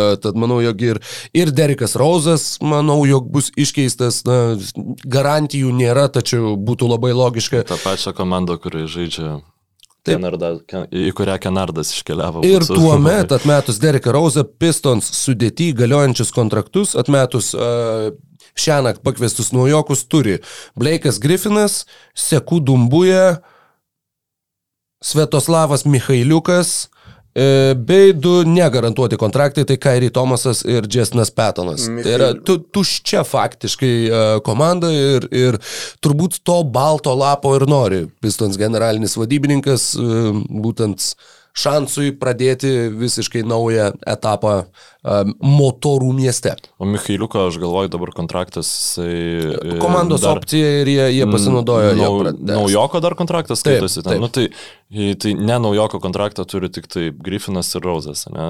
A, taip, šiuo metu taip. Įspūdinga, tikrai e, įspūdinga. Tony Snelas, atsiprašau, turi žaidėjo opciją, manau, kad jisai ją tikrai panaudojo 12 milijonų. Tad, čia, tad tiek. Uh, kiti mainai. Kiti mainai, prie kurių galime keliauti chronologinė tvarka, buvo Krisas Polas ir Abdelas Naderas į Phoenix'o Suns už Ricky Rubio, Kelly Ubre, Tajų Jeromą, Jaileną Lekiu ir 2022 pirmojo rato šaukimą. Ar Phoenix'o Suns, kurie NBA burbule sužaidė tą, tą tobulą atkarpą, 8 pergalės, 0 pralaimėjimų, nepersistengė vertindami tą atkarpą ir ne, neįsivaizduoja, neįsivaizdavo dar prieš juos mainus, jog yra truputėlį geresni negu kad yra iš tikrųjų?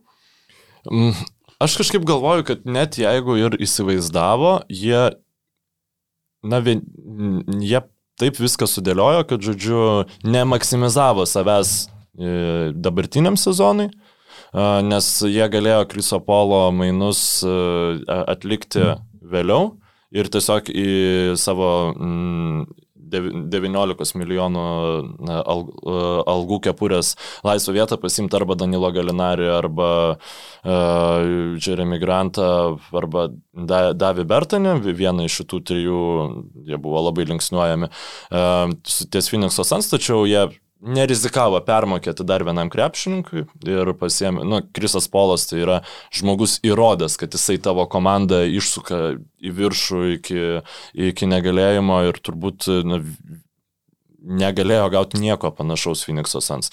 Ir taip kaip yra dabar Phoenix'o Suns komanda sukonstruota, turint omeny jos istoriją, jiem prisivilio tokio kalibro žaidėjo, tokio lygio žaidėjo, jeigu mes net ignoruosim Kriso Polo amžių, na, yra, yra visom kitom aplinkybėm neįmanoma ir klausimas, ar Krisas Polas nepervertino, nes jis pats norėjo būti išmainytas į Phoenix'o Suns, ar jisai nepervertino e, Phoenix'o Suns galimybių, tačiau čia tiesiog komanda, kuri labai gerai jaučiasi apie save, paėmė krepšininką, kuris sužaidė tiesiog puikų sezoną ir aš tai tikrai labai labai džiaugiuosi, jis plus Bucheris, na, fantastika. Absoliuti. Taip, plus Deandre Eitonas e, tikrai turėtų žaisti nuostabų sezoną.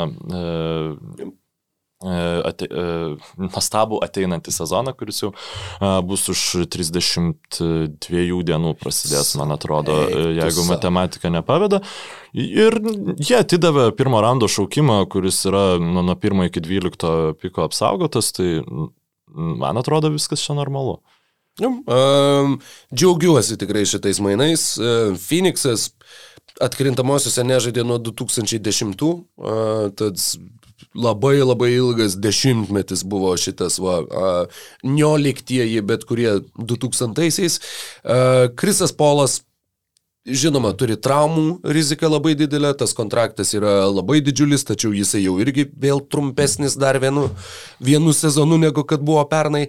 Ir jeigu Krisas Polas sugebėtų išvengti traumų, tai yra komanda, kuri uh, turbūt yra sunkiausiai prognozuojama artėjančiais metais vakarų konferencijoje, nes mano manimu jie gali nuo, nuo 10 iki 3 vietos užimti reguliariajame sezone, jeigu, sakau, sveikata visų yra pakankamai gera, nes pamatuoti jos potencialą yra labai sunku. Krisas Polas greta Devino Bukerio atrodo puikiai, Deandre Eitonui 2 prieš 2 derinių partneris yra geresnio tiesiog nerasi pasaulyje šiuo metu. Visi šansai iššauti šitai komandai ir Vienas tik tai klausimas, irgi čia e, galbūt tas, tas Minnesotos ir galių formo, žinai, e, dėsnis, bet Ricky Rubio nėra labai blogas krepšininkas ir tie jų geri rezultatai buvo susiję ir su Ricky Rubio. Ir žinoma, Krisas Polas pakelia tavo lubas lyginant su Rubio, bet klausimas, kiek va tas skirtumas uh, yra didelis. Ne dėl to, kad sakyčiau, kad jis būtų nedidelis, bet uh, Prasme, tu taip į mane pažiūrėjai, lyg aš būčiau kažką šventvagiško pasakęs. Ne vieno dalyko krepšinėje, ką Rubio daro geriau negu Krisas Polas. Taip, bet Rubio irgi nėra, nežinau, koks čia blogiausias įžaidėjas lygoje būtų šiuo metu buvęs startinis, na, vienai par kitaip. Pavyzdys, na, Demaras Derozanas buvo geriausias Toronto Raptors krepšininkas iš tuo, tuo metu, kuomet jį išmainė į į Kawai Leonardą, nu, ta komanda visiškai atrodė kardinaliai kitaip. Skirtumas tarp Kriso Polo ir Ricky Rubio, mano manimu, yra daug mažesnis negu tarp Kawai Leonardo ir Demaro DeRozano. Jeigu mes šituo klausimu prieėjome konsensumą, tuomet aš norėčiau pereiti prie pirmųjų iš dviejų mainų, kuriuos atliko Milwaukee Bucks. Klubas uh, įsigijęs Drew Holiday už Erika Bledsoe, Georgia Hillą, tris ateities pirmo rato šaukimus ir dvi teisės apsikeisti pirmojo rato šaukimais, kitaip tariant, na, maksimaliai savo visą ateitį atidavė Milvokis. Visą mantą. E, taip. Viską. Ką tik tai turėjo, tą ir atidavė į Naująjį Orleaną ir Drew Holiday turėtų būti tas žmogus, kuriam atvykus į Milvokį Janis sakys, jie, dabar jau gerai, dabar aš noriu čia likti e, ilgam laikui. E, ar tave įtikina? Aš žinok, aš žiūriu dabar į, į tą pykų gausybę ir aš nu, negaliu patikėti. Aš galvoju, kad... Sumokėjo kaip už Paul George. Jo, jo, nu, jeigu, jeigu ta logika ta pati kaip e, dėl ko už Paul George tiek sumokėjo, uh, tai jo, tada viskas sakė, jeigu tikrai Janis pasirašys pratestą kontraktą ir, nu, tada verta tu atiduodi dar, dar penkis šaukimus į priekį. Uh, iš naujo Orleano Pelikans pusės tai yra nuostabu, kad jie gavo 27 metų pirmą raundą neapsaugotą šaukimą, kas yra, net jeigu Janis pasirašo Supermaxą 5 metų, tai visiems yra jau metai po to, kaip jis galbūt galimai palieka komandą ir e, naujo Orleano Pelikans gali džiaugtis, e, džiaugtis gerais dalykais. Aš šiaip galvoju, kad aš Drew Holiday vertinu labiau negu NBA dauguma komandų. Tačiau, na, kaip visada, reikia vienos komandos, kuri, kuri, kuri pasiūlys daugiau negu, sakykime, tai yra mediana e, pasiūlymų ir kas Denverio Nuggets irgi norėjo Drew Holiday, bet jie kaip sužinojo, nu, aš, aš jaučiu, kad jie, kai Pelikans pasakė, kiek jiems siūlo Bucks, jis sakė, nu, gerai, gerai, gerai, nu, nenorit, tai nereikia. Nu, ta prasme, sunku net patikėti ir e, gavo naujo Arleno Pelikans taip pat Erika Bledso, kuris, na, dabar yra pateikiamas kaip iš vis neįgalus krepšininkas, kur ten atrodo, kad blogiausias žaidėjas lygų. Ne, jis tikrai toks nėra, jis yra e, ne Drew Holiday lyga, bet tikrai labai gerai besiginantis krepšininkas ir uh, labai įdomu, ką su juo naujo Arlena Pelikans darys, kurie turi ir Lonzo Bolą taip. ir taip pat dar pašaukė e, vieną žaidėją pirmam raundė ir dar turi Nikilą Aleksandrį Walkerį, žodžiu, gynėjų gausa, naujo Orleano Pelikans. Ir dar Džordžą Hillą. Jo, na, Džordžas Hillas, tai jisai kaip, jo, jis tiek žaidėjas, kad jo pozicija yra paga, bet jis nu, ša, ša, šalia nu, normaliai žaidimą kūrenčio krepšininko gali ramiai mėti tą savo tritaškį ir nekliudys jam, žodžiu, bet Erikas Blesau su Lonzo Bolo aš jau aikštai vienu metu neįsivaizduoju. Taip, tai yra la, labai uh, persipinantys savo stipriosiomis pusėmis žaidėjai ir ne taip, kad sustiprintų vienas kitą, bet priešingai. Bet iš naujo, iš Milwaukee box pusės, tai, na, tai tikrai yra nuostabus papildymas, nežinau, kiek jisai pats iš savęs yra vertas e, to, kas buvo už jį pasiūlyta, tačiau Drew Holiday gynyba yra labai vertinama lygoje, tiek pačių krepšininkų, um, dabar ne, neprisimenu, Hardanas Beros. Kevinas Durantas. Jo, Durantas yra sakęs, kad prieš Holiday yra labai sunku žaisti Durantas, kurio, kuris yra galva aukštesnis Taip. už Drew Holiday, tai um, labai daug galimybių atveriantis mainai, plus Drew Holiday tikrai yra, nėra elitinis metikas, bet yra labai geras metikas. Daug geresnis negu Erikas Bledsoe. Ir jeigu, jeigu tie kiti mainai, apie kuriuos mes pakalbėsim, įvyks, tai Milwaukee Bucks šiaip startiniam penketą žais keturi krepšininkai, kurie su kamaliu žaidžia geriau negu be jo, tačiau visiems turi labai aukštą krepšinio intelektą ir manau, kad tai prisitaikys prie Janio Antitokumpo be, be didelių problemų. Ir iš, iš dalies šiek tiek net ir baugina, nes, nu, jeigu jie vėl gerai žais tam reguliariam sezone, mes nu, visiems tu negalėsi šimtų procentų sakyti, va čia, taip. va čia jie tikrai dabar šluos visus. Ir, kol, kol nepamatysi. O jeigu jie blogai žais, jeigu jie, pavyzdžiui, laimės kokias 50 rungtynių, nes turės labai siaurą rotaciją, ilsins krepšininkus ir panašiai, tu vis tiek negalėsi jokių išvadų daryti. Žodžiu, Kaip atrodo šitą komandą mes pamatysim labai, labai negreitai, jo. bet aš labai džiaugiuosi, kad šitie mainai įvyko, nes tiesiog tas yra sveikintinas permainos e, kurių reikėjo Milwaukee klubui. Visiškai pritariu, plus lyginant su Eriku Bledsoe, uh, Drew Holiday nepranyksta atkrintamosiose, o priešingai uh, sužydė, galima atsiminti, kaip jis visiškai uždusino Damieną Lillardą ir uh, kai Pelikans išmetė sausų rezultatų Portlando Trailblazers, Holiday buvo visiškai nuostabus toj serijoje ir uh, būtent tai ne tas žmogus, kuris uh, kai šviesos pasidarys e, ryškesnės ir labiau nukreiptos į jį, tai jisai pats pasitrauks į šešėlį. Ne, jisai yra su, su spaudimu susitvarkantis žmogus, lygiai taip pat e, su spaudimu susitvarkantis, ar gal netgi dar geriau su spaudimu susitvarkantis žmogus. Taip, yra Bogdanas Bogdanovičius, e, kuris su Justinu Jamesu turėjo būti iškeistas, jau kaip ir buvo iškeistas į Milvokį už Dante DiVincenzo, Arsaną Iliasovą ir DJ Wilsoną, tačiau vakar vėlai vakare, man atrodo, e, pasirodė pranešimai, jog ne, dar čia, ne, šitie mainai dar nėra oficialūs. E, krizenom, jog lyg pats Bogdanas Bogdanovičius būtų pasakęs, sign and trade what, I didn't sign nothing. jo, pradžiai nieko nesakė, nes, ai, jo, mane iš, išmainė.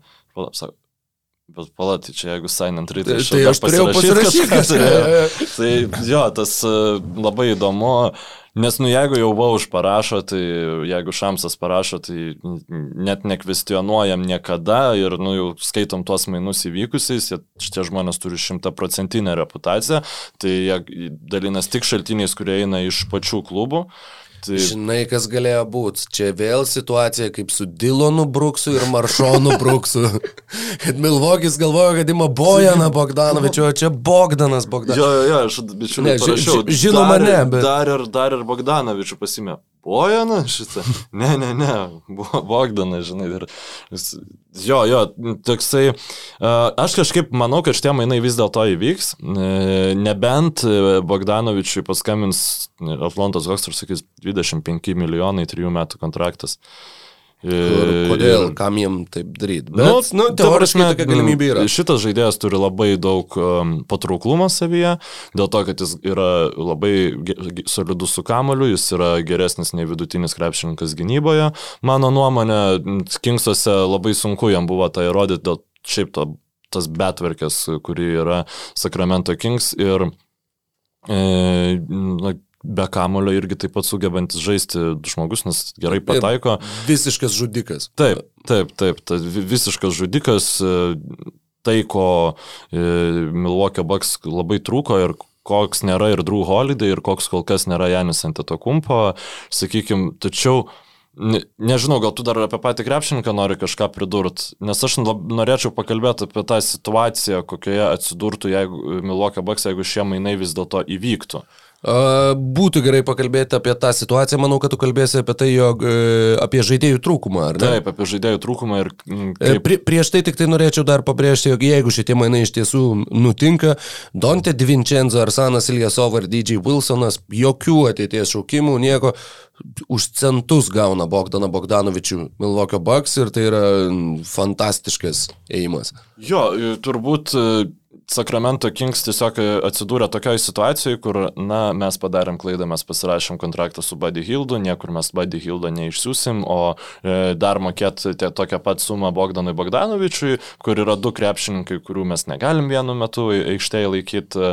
Plius ne, tada, nebeliko Vladės. Jo, ir manau, jo. kad daug mažesnis duoda, palaikymas. Dar duoda Dante Vincenzo, kuris yra įrodęs kaip krepšininkas, tai tikrai nėra blogas žaidėjas ir uh, jisai, sakykime, gali būti būtas ir penktas žaidėjas starto penketė ir kylantis nuo suolo energizeris. Nu, mainai yra suprantami ir galbūt šiaip Kingsai galėjo paieškoti, bet būtent man dėl to ir keista tas yra, kad kažkokio nebuvo sustarimo, nes čia toks vaizdas, kad, nu, maždaug Bagdanovičiu mes tave siunčiam į komandą, kur, nu, tikrai, nu, geres, ger, į geresnę komandą nusust nėra kaip, žinai, ne, nebe, jeigu siūstai kažkur jau nebent į loterijos komandą šiuo metu, ar ne, ar, tai keista, kad dabar išlindo tos kalbos, galbūt patys Milwaukee Bucks pasižiūrėjo, kad lemba mes čia galbūt per daug apsižiojom.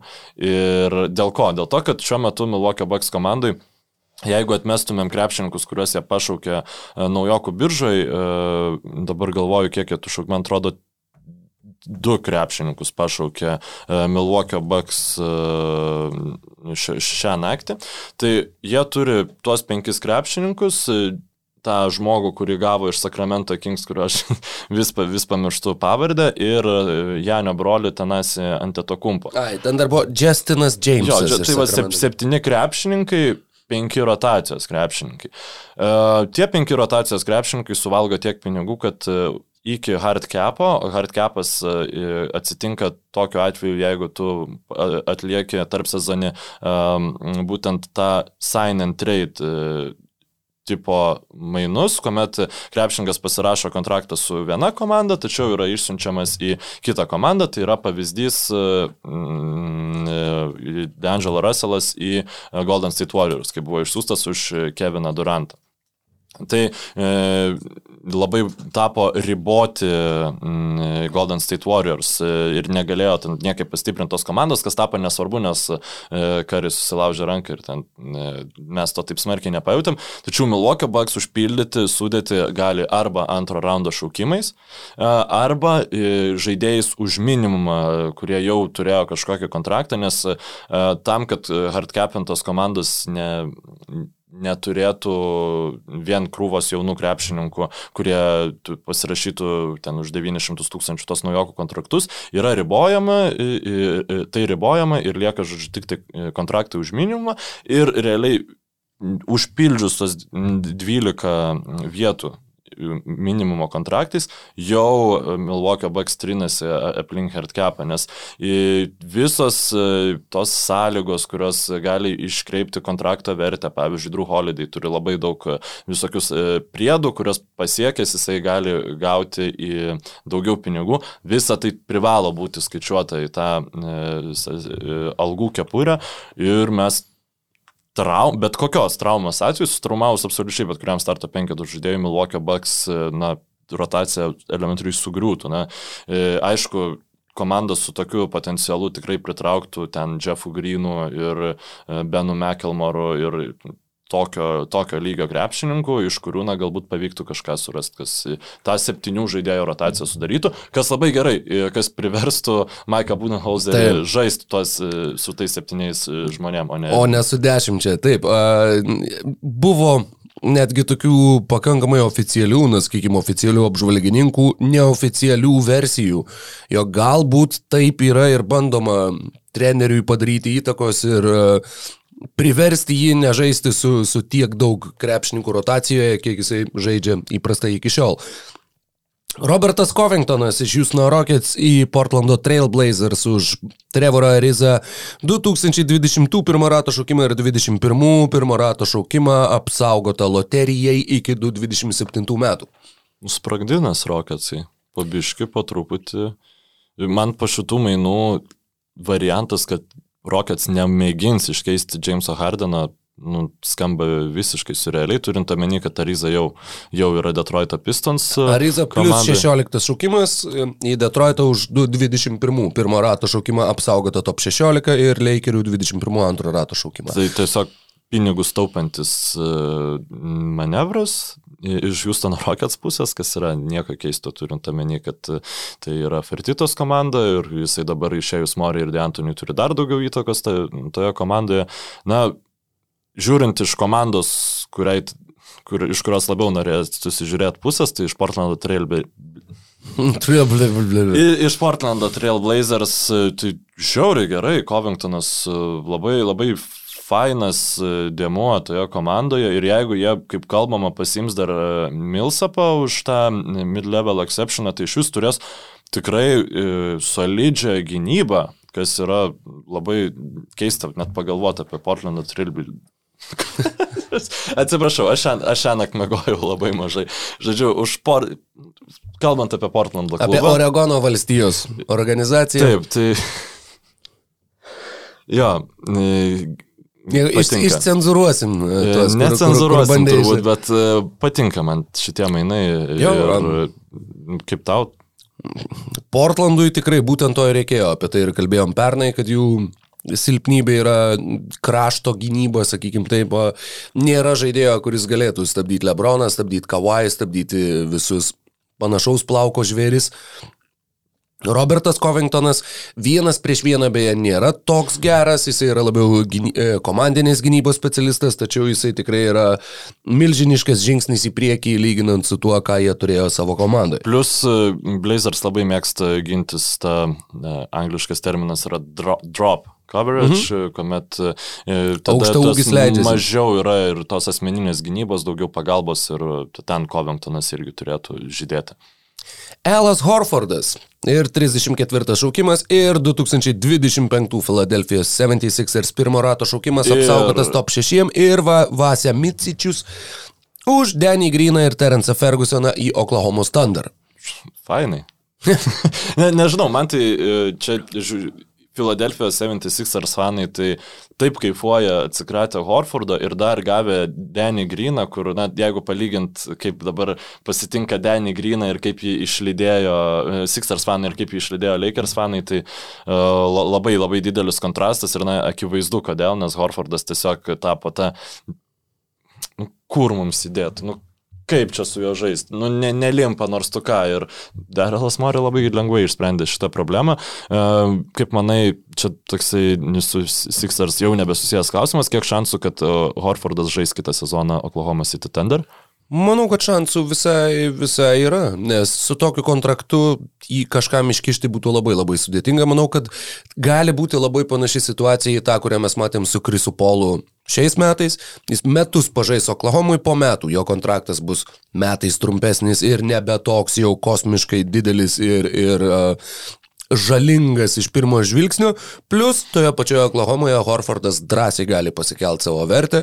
Tikrai pasikels. Taip, kadangi, na, jinai žemesnė negu kad po šio sezono Filadelfijai vargiai ir begalėjo būti. Jeigu ne sveikatos problemos, tuomet tikrai jisai vėl parodys, kad gali žaisti labai aukštų lygių. Filadelfija įrodė, jog angliškas priežodis if you can't beat them, join them ne, nepasiteisina NBA lygoje, išėmus Elą Horfordą iš Bostono, kad jisai nestabdytų Embido, tai nebuvo geras sprendimas. Thunder jisai tikrai nežais prieš Embidą. tikrai ne, tikrai, jam ten apskritai, jo. Na, įdomu bus, jeigu jisai liks, tai, uh, sakykime, produkcijos atžvilgių visokiam fantasy lygom būtų labai įdomus žaidėjas Alas Horfordas.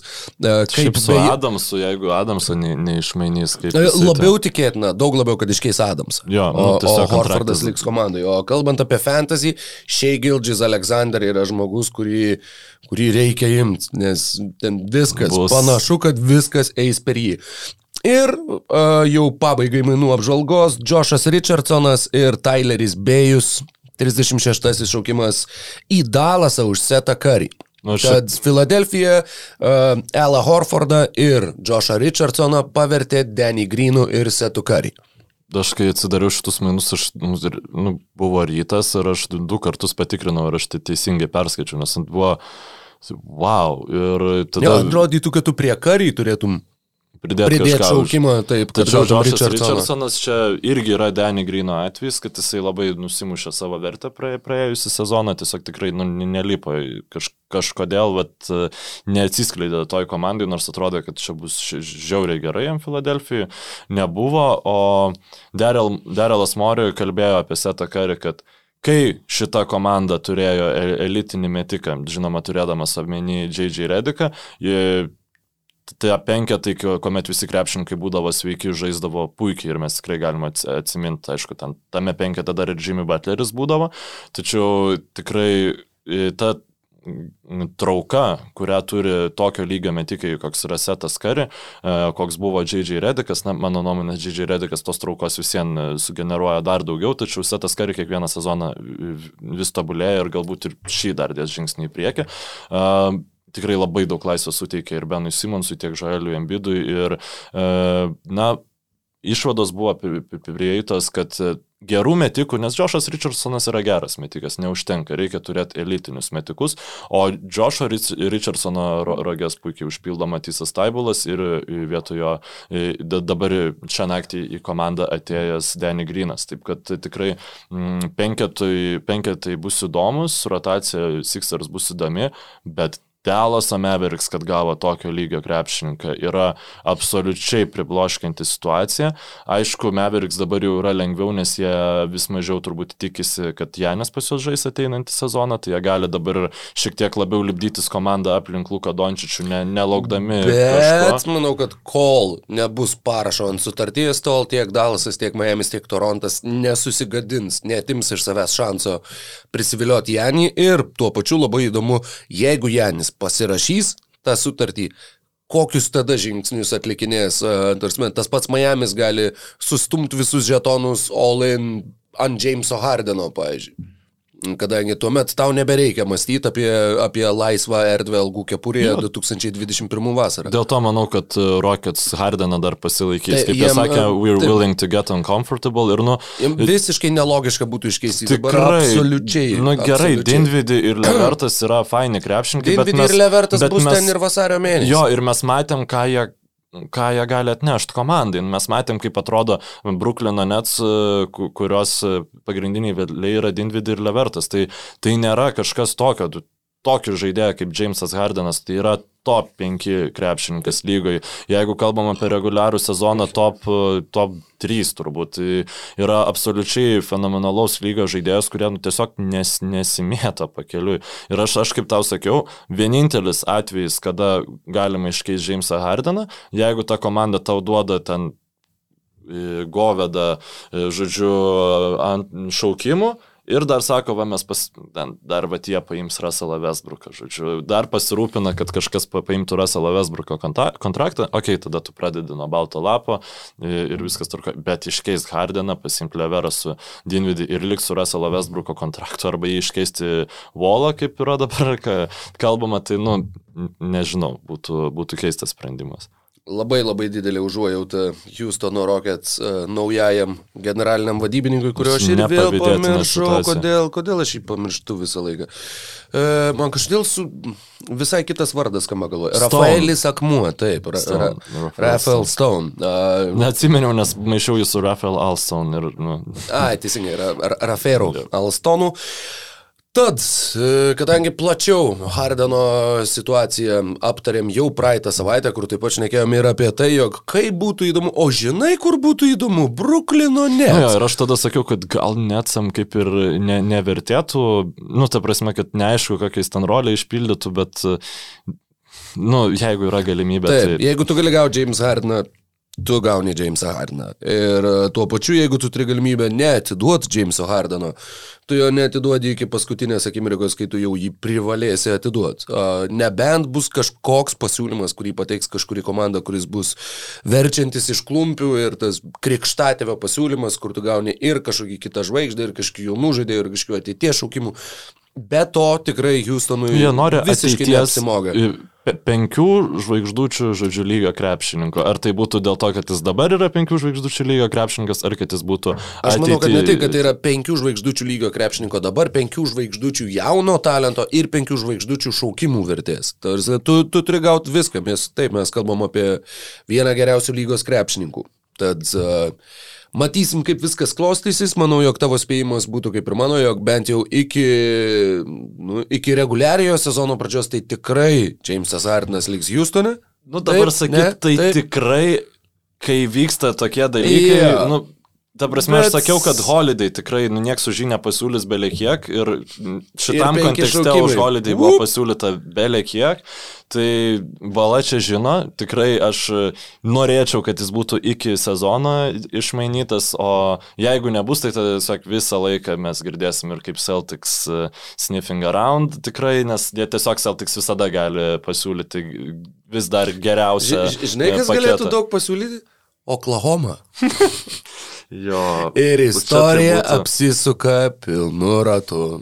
Džeimsas Hardenas ir Aleksej Pakuševski, pikiant papas. Po, po septyniarių metų pertraukos grįžta Džeimsas Hardenas į Oklahomą. Argi negražu? Septynetas yra visur. Septynios savaitės Ši... dienos, septynios vaivorykštės spalvos, septynios gamos natos. Viskas yra sudaryta iš septynių. Po septyniarių metų tavo kūne nebelieka ne vienos lastelės, nes visos jau būna pasikeitusios. Tad grįžtų Džeimsas Hardenas, bet grįžtų jau kitas Džeimsas James Hardenas, jie atrodytų tą pačią Oklahomą, tačiau į visai kitokią Oklahomą.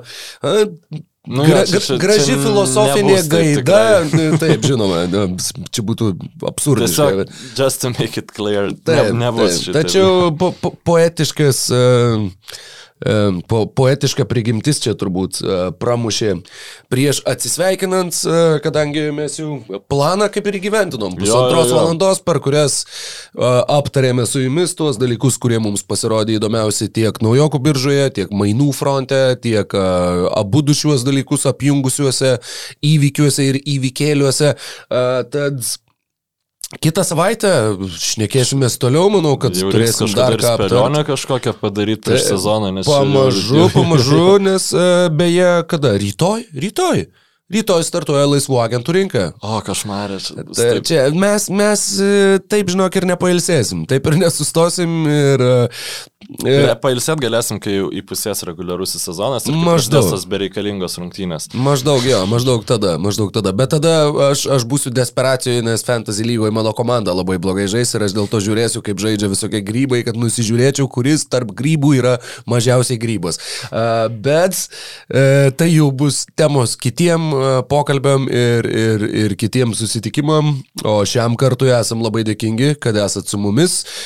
Sekite mus ir toliau visose pod daržovės puslapiuose, platformose, ja. platformose podbean, pod... Aš manau, cast, kad jau, jau žino žmonės. Aš tai radau, man atrodo, podbay, aš berots per podbay klausau dalykų. Man iš telefono kažkodėl išėjo veikia patogiausiai. Tačiau jeigu jums patogiau veikia Apple Podcasts, ar Google Podcasts, ar Spotify, ar iTunes, ar um, pakartoti LT, ką žinai, nededa podcast'ą į savo puslapį. Gerai. Ne taip ir svarbu, bet uh, ačiū Basket News LT, ačiū patronam, ačiū tau Mykolai. Uh, ačiū tau Rokai. Uh, ačiū tam fotoaparatui, kuris dar neišsikrovė iš dviejų ir ačiū, ačiū kolegai, domai, kuris ja. mus nufilmavo šį, šį ketvirtadienio Ketvirtadienis šiandien. Ketvirtadienio taip. rytą, ketvirtadienio vidudienį. Tad iki kitų susitikimų, likit sveiki, būkite protingi, sėkmės jūsų palaikomom komandom ir laimingai.